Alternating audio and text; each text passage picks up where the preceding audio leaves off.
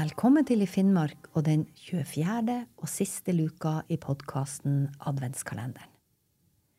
Hver morgen gjennom adventen har vi åpna ei ny luke i en kalender full av sagn og mystikk fra Nord-Norge.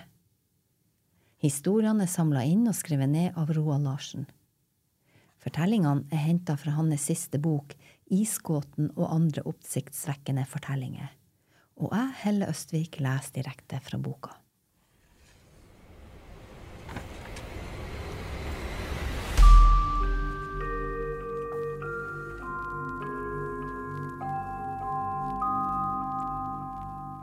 Vi åpner kalenderens 24. luke med historien Isgåten. Hva var det som hadde forårsaka et digert hold, om lag 15 meter langt og 10 meter bredt, i isen på indre Fiskelausvannet i Balsfjord? Isen var regelrett flenga opp.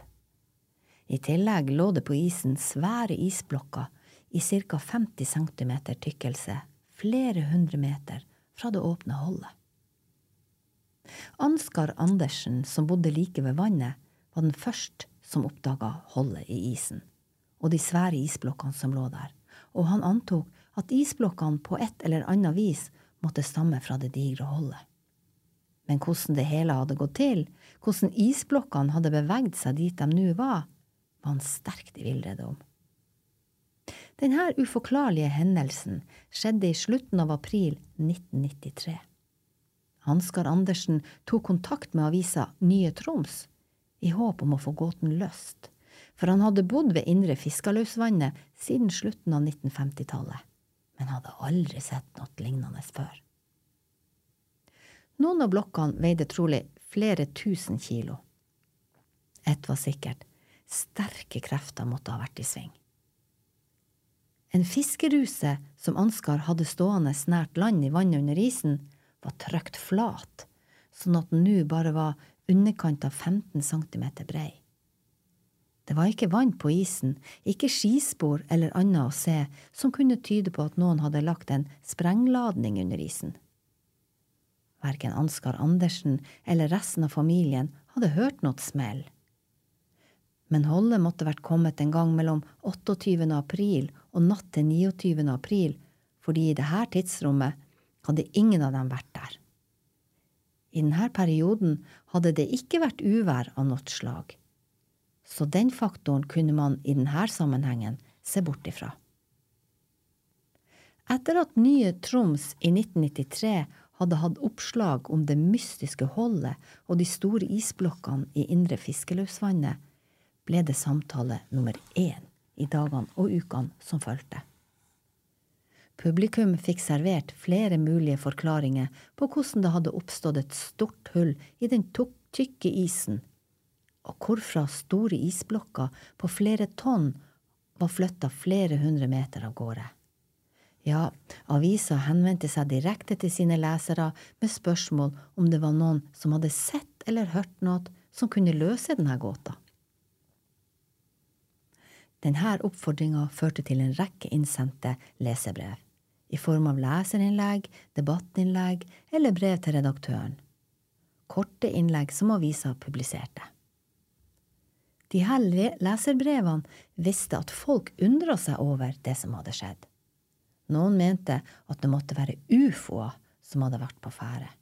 Andre nevnte sprengstoff eller himmellegemer og noen valgte å ikke ha noen som helst forklaring. Men alle var interessert i det som hadde skjedd, og ville helst ha ei forklaring som de kunne feste lit til og slå seg til ro med. Nye Troms fikk også et dusin telefoner fra folk med ulike meninger om hva som kunne ha skjedd.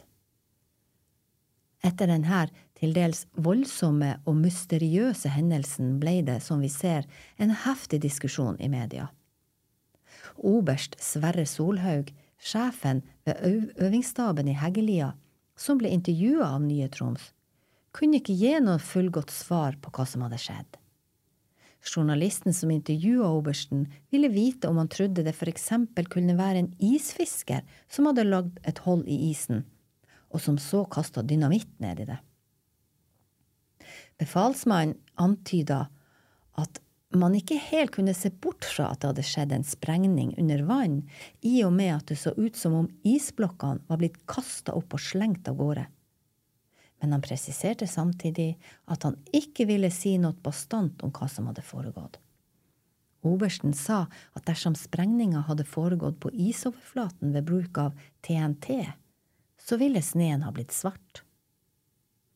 Befalsmannen utelukka helt at militæret hadde noe å gjøre med denne hendelsen. Militære øvelser ville aldri ha blitt gjort på et sånt her sted, sa stabssjefen. I forbindelse med den mystiske hendelsen la en debattant i NRK Troms frem en teori om at tilsig av tinevann kunne ha vært med på å skape et trøkk mellom islagene. Han var av den oppfatning at hvis det nederste islaget var fastfrosset, men plutselig løsna, ville det ha kunnet oppstå en bølgeeffekt i mellomsjiktet som til slutt slo hold oppover i det øverste laget. Han sa at dersom de to islagene noen plasser var frosset fast i hverandre, kunne man også få bølger som danna en skråning, sånn at det store flaket var sklidd av gårde men at de store isblokkene på noe vis skulle ha blitt kasta opp i lufta, stilte han seg tvilende til.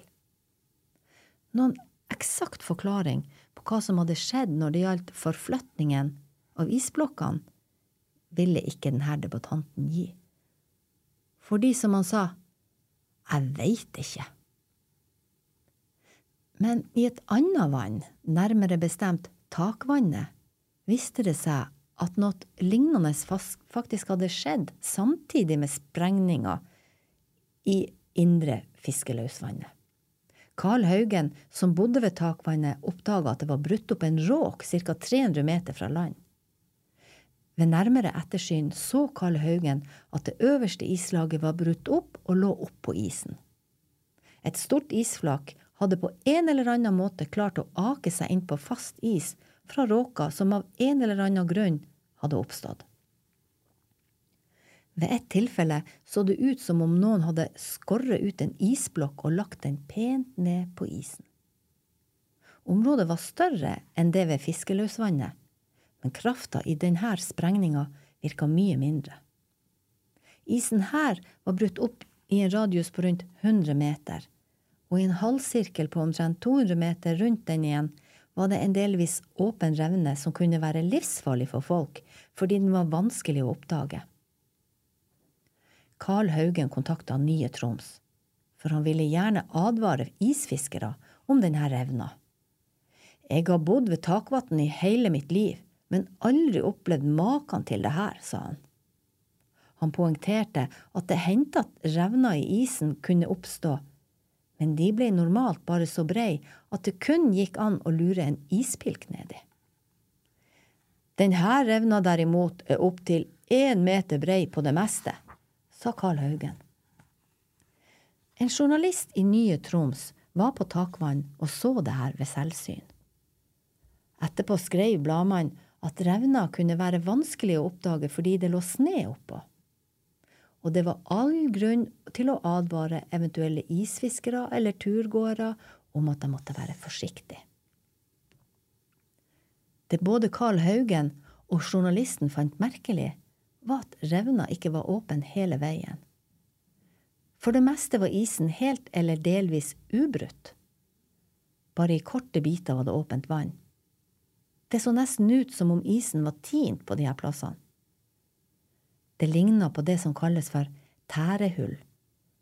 Noe som kan oppstå dersom noen har lagd et isfiskehull og det deretter renner vann nedi som utvider hullet.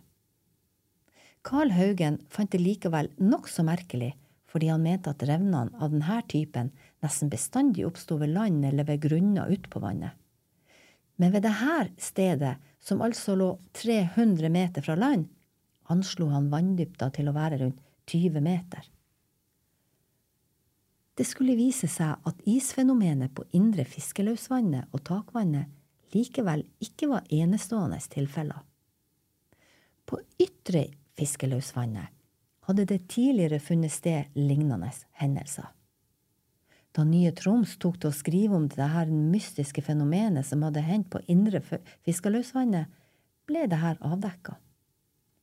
Ifølge folk som husker godt og var fra området, skulle omtrent det samme ha skjedd på ytre Fiskeløsvannet, med rundt 80 cm stålis på 1930-tallet.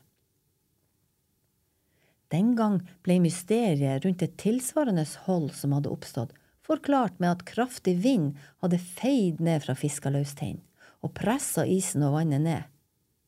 Som følge av det oppsto et vakuum etter vindrossa, og dermed slo isen og vannet tilbake, slik at isen ble knust.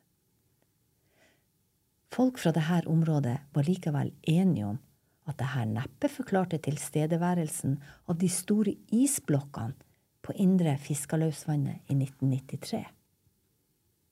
Ifølge folk som bodde nær ytre Fiskaløsvannet, skulle et lignende mystisk fenomen som hendte på 1930-tallet, ha oppstått rundt slutten av 1950-tallet i samme vann. Da så det nærmest ut som om det var sprengt hold i isen 50 meter fra land.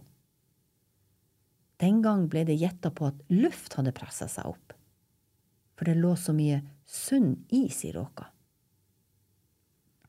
Gjennom folk som tok kontakt med Nye Troms, kom det frem at noe tilsvarende også skulle ha skjedd en gang på 1980-tallet, på Fjellfroskevannet.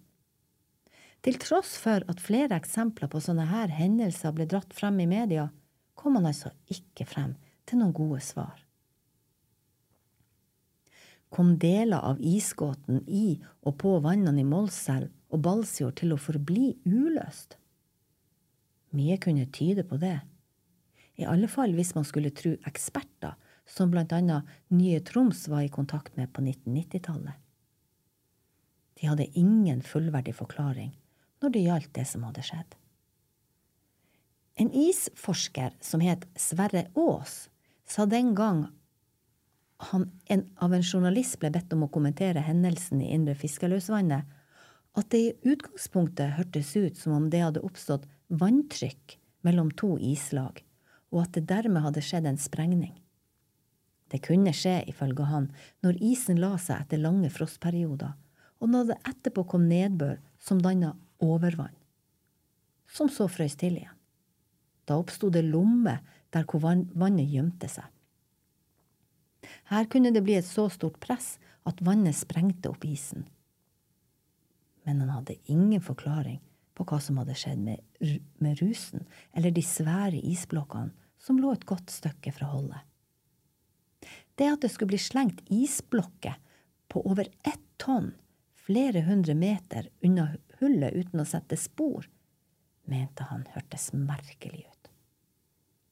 En så stor blokk må ha betydelig høyde for å bli kasta så langt, og da ville den bli knust i nedslaget, sa isforskeren. Henvendt til journalisten sa han, etter det du sier, så har ikke det her skjedd, og det har jeg ingen forklaring på. For det er utenkelig at isblokken ville komme helskinna fra et sånt fall. Isforskeren kom heller ikke med noen forklaring på hvorfor fiskerusen til Ansgar Andersen var blitt trykt flat. Heller ikke seksjonssjefen ved miljøhydrologiavdelinga i NVE, Steinar Sommerfelt, som ble intervjua i dette tidsrommet, kunne gi noe fullgod forklaring. Seksjonssjefen hadde verken hørt eller sett denne type naturfenomen som hadde oppstått i og på Indre Fiskaløsvannet. Fenomenet ved Indre Fiskaløsvannet opptok tydeligvis folk. Ikke bare i lokalmiljøet, men også blant forskere og media. Til redaksjonen i Nye Troms forsatte det å komme inn en strøm av mulige forklaringer og teorier, men ingen kunne med handa på hjertet si hva som egentlig hadde skjedd. Sjøl om de ulike forklaringene og teoriene til dels sprikte i ulike retninger, slo redaksjonen i Nye Troms fast at man kunne være enige om én sak, at folk flest er veldig opptatt av sånne unaturlige fenomener som er vanskelig å forklare, hvor ting skjer hurtig og med bruk av øyensynlig stor fysisk kraft. De fleste av oss føler en form for frykt for alt som er ukjent, og priser oss lykkelig over at vi ikke var isfiskere i det øyeblikket da hullet oppsto Ifølge lokale folk har området i og rundt disse vannene vært kjent som et urolig landskap der det har skjedd mange mystiske hendelser. I mai 2023 ble denne uoppklarte saken lagt frem for Heidi Johnsen Gunnes, en respektert synsk person opprinnelig fra et sted i Øst-Finnmark. I løpet av samtalen tok hun inn noe av det som hadde skjedd, og som fortsatt skjer i dette området. Hun sa at hun fikk kontakt med en fysisk kjempe som holdt til her. Et stort, godarta vesen med hule øyne. Det er et flott monster som det ikke er noe galt med. Men han er bare feil i forhold til omgivelsene, sa hun. Hun sa at han minte litt om en migo eller yeti, bedre kjent som den avskyelige snømannen. En stor, menneskelignende, kryptozoologisk skapning, men har mindre hår på kroppen. Kroppen til den avskyelige snømannen blir påstått å være dekka av rødbrun pels. Men denne figuren har en del tykke hårstrå spredt utover kroppen, sånn at man kan se huden imellom.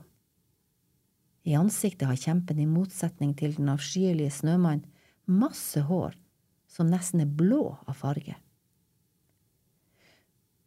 Når den er nede i vannet, rører ansiktshårene på seg, akkurat som sivet som befinner seg der under vann, sa hun. Den synske sa at kjempen hadde en litt rar hale, som minte litt om halen til en bever. Den var i underkant av to meter lang, 20 centimeter brei og to centimeter tykk. Det var en lang, hårete hale som stakk seg helt ned til bakken, og vel så det, fordi en liten del av den subba i bakken når kjempen gikk. På enden av halen var det to små forhøyninger som minnet om klumper eller kuler. Andre anonyme informanter var i hovedsak enig med Heidi i beskrivelsen av denne skapningen med kjempekrefter. Men noen av dem mente den var nokså lik oss mennesker når det gjaldt utseende.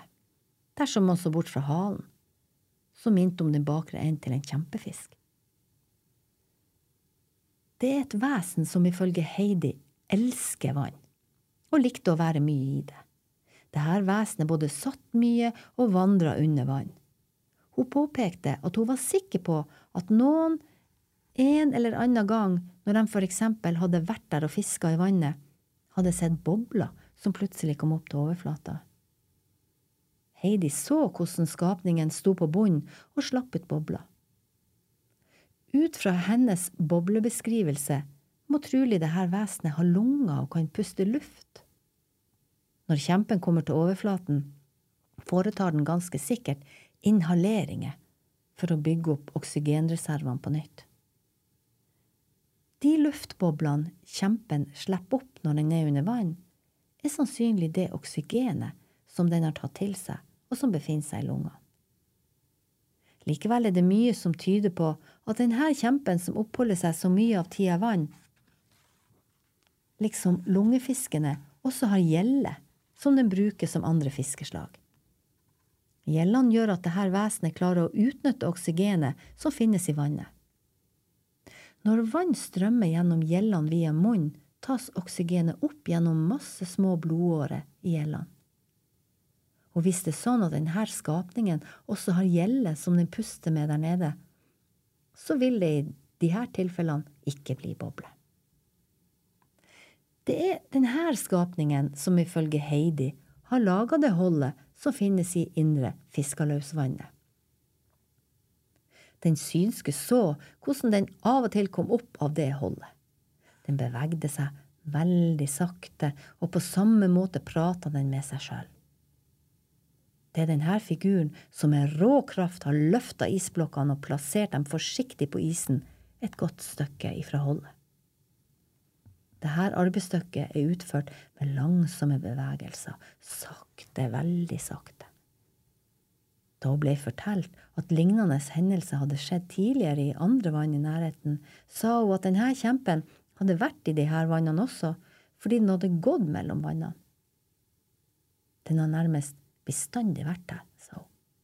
Den er så svær, så den hefter ikke å trø over til neste vann.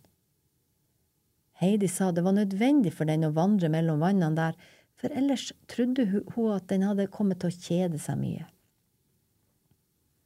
Hun var klar på at det var nok ikke siste gang det skjedde rare ting i de her vannene.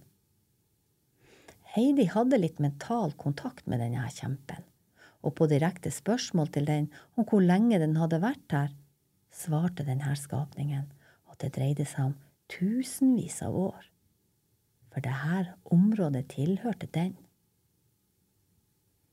Denne store figuren var alt i alt en godmodig kjempe, ifølge den synske, som egentlig var veldig begeistra for at sporene etter den var blitt sett, og at noen tok seg tid til å interessere seg og forske på den. Men ellers brydde dette vesenet seg ikke så mye om det som foregikk rundt av menneskelige aktiviteter. Det var bare rolig, avbalansert, og alt var bare liksom greit. Når kjempen gikk forbi folk, la den oftest ikke merke til dem engang. Den hadde sin egen energi og var bare inne i sin egen verden. Det er en verden som går mye saktere enn våres. Denne skapninga har gjennom årene gått forbi mange mennesker uten at de har sett den fordi energinivået hos den og hos oss er så forskjellig. Denne dimensjonen har helt andre fysiske lover enn våre.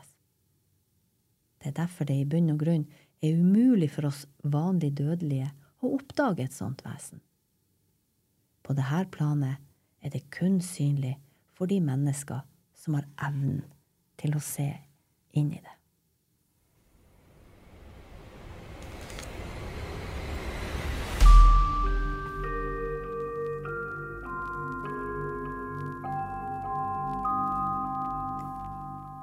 Det var den 24. luka i Finnmarks podkast Adventskalenderen. Mitt navn er Helle Østvik, og jeg har lest historien Isgåten fra Roald Larsens siste bok Isgåten og andre oppsiktsvekkende historier, utgitt av Arktisk Forlag.